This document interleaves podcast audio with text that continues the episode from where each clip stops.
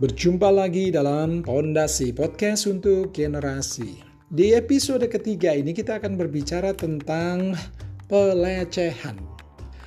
Saat ini varian shaming itu sangat banyak. Ada body shaming, mental shaming, bahkan yang terakhir ada single shaming atau jomblo shaming.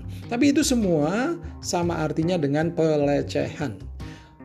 Semua orang pasti pernah mengalami saat dilecehkan, artinya orang dianggap remeh, dianggap tidak mampu, dan yang paling ekstrim dianggap tidak ada dengan berbagai alasan.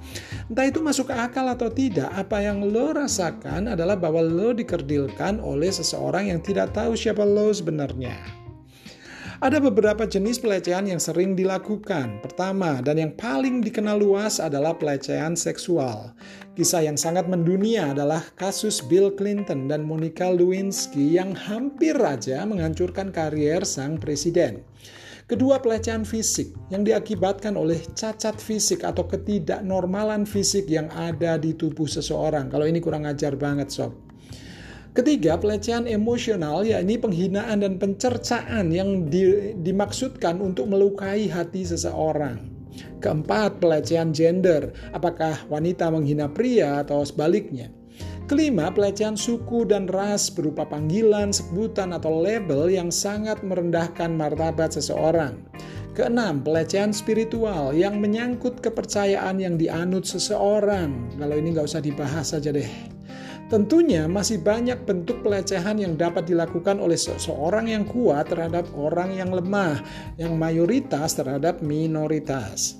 Permasalahannya adalah bagaimana kita meresponi bila kita merasa dilecehkan oleh orang lain. Respon dan reaksi atas aksi pelecehan sangat berpengaruh terhadap masa depan kita dan si peleceh. Ini harus disikapi dengan tepat. Kalau tidak, inti pelecehan akan menetap di otak kita dan akan berpengaruh seumur hidup. Penderitaan muncul bukan hanya saat seseorang dilecehkan, melainkan akan terus dibawa seseorang ke masa depan dan kalau tidak dilakukan rekonstruksi akan dibawanya sampai mati. Sebaliknya, kalau direspon dengan baik, pelecehan justru bisa menjadi stepping stone untuk merajut masa depan yang luar biasa. Ada tiga respon yang umumnya dilakukan dalam menanggapi pelecehan. Pertama, respon negatif. Artinya, orang yang dilecehkan melakukan reaksi yang bernada menyerang balik si peleceh. Mata ganti mata dan gigi ganti gigi. Ia melakukan penyerangan dan pembalasan dengan cara yang lebih kejam lagi. Dengan tujuan ia merasa menang. Respon negatif yang lain adalah ia justru malah melarikan diri. Artinya, ia merasa dirinya seperti yang dilecehkan. Orang seperti ini malah menjauh dari si peleceh dan lingkungannya karena menganggap tidak mampu membuktikan bahwa dirinya tidak pantas dilecehkan.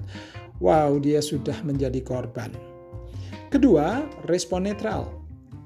Artinya, seseorang menganggap pelecehan sebagai hal yang biasa. Itu tidak ditanggapi secara serius alias dianggap sebagai angin lalu. Asumsinya adalah bahwa kebenaran akan nanti muncul dengan sendirinya. Ketiga, respon positif. Artinya orang yang dilecehkan justru ingin membuktikan bahwa dirinya tidak seperti yang dituduhkan atau dilecehkan dengan melakukan serangkaian tindakan positif yang justru menunjukkan siapa dia sebenarnya.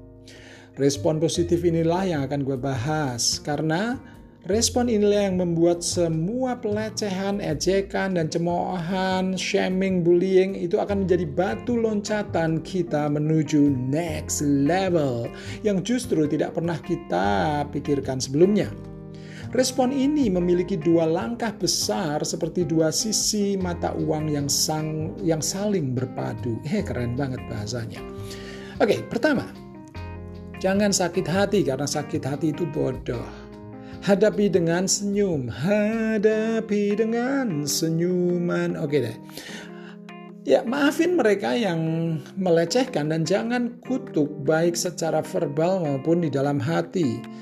Lakukan pemberesan emosional dan spiritual terhadap diri lo terlebih dahulu.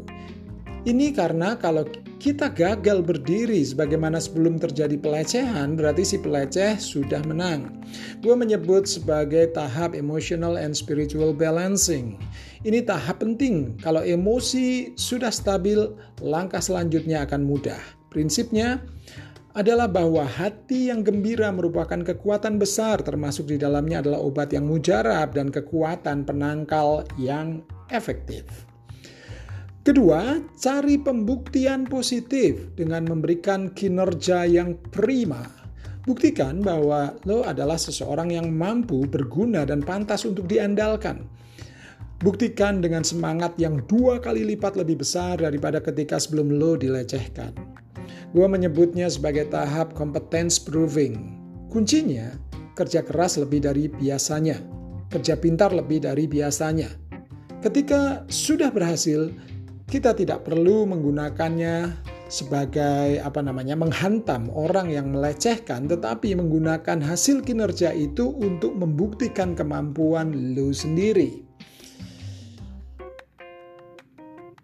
Pernah dengar kisah Steve Jobs? Ketika ia didepak dari Apple, ia tidak melakukan tindakan destruktif.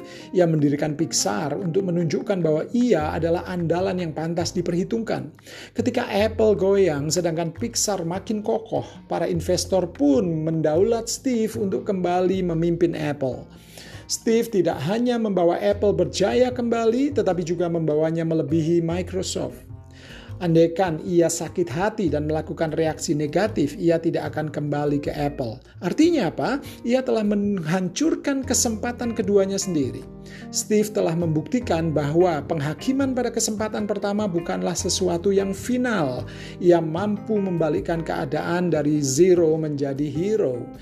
Jadi, kalau lo dilecehkan, jangan patah semangat Siapa tahu justru hal itu merupakan langkah awal menuju ke tingkatan yang lebih tinggi dalam hidup lo. Ciao.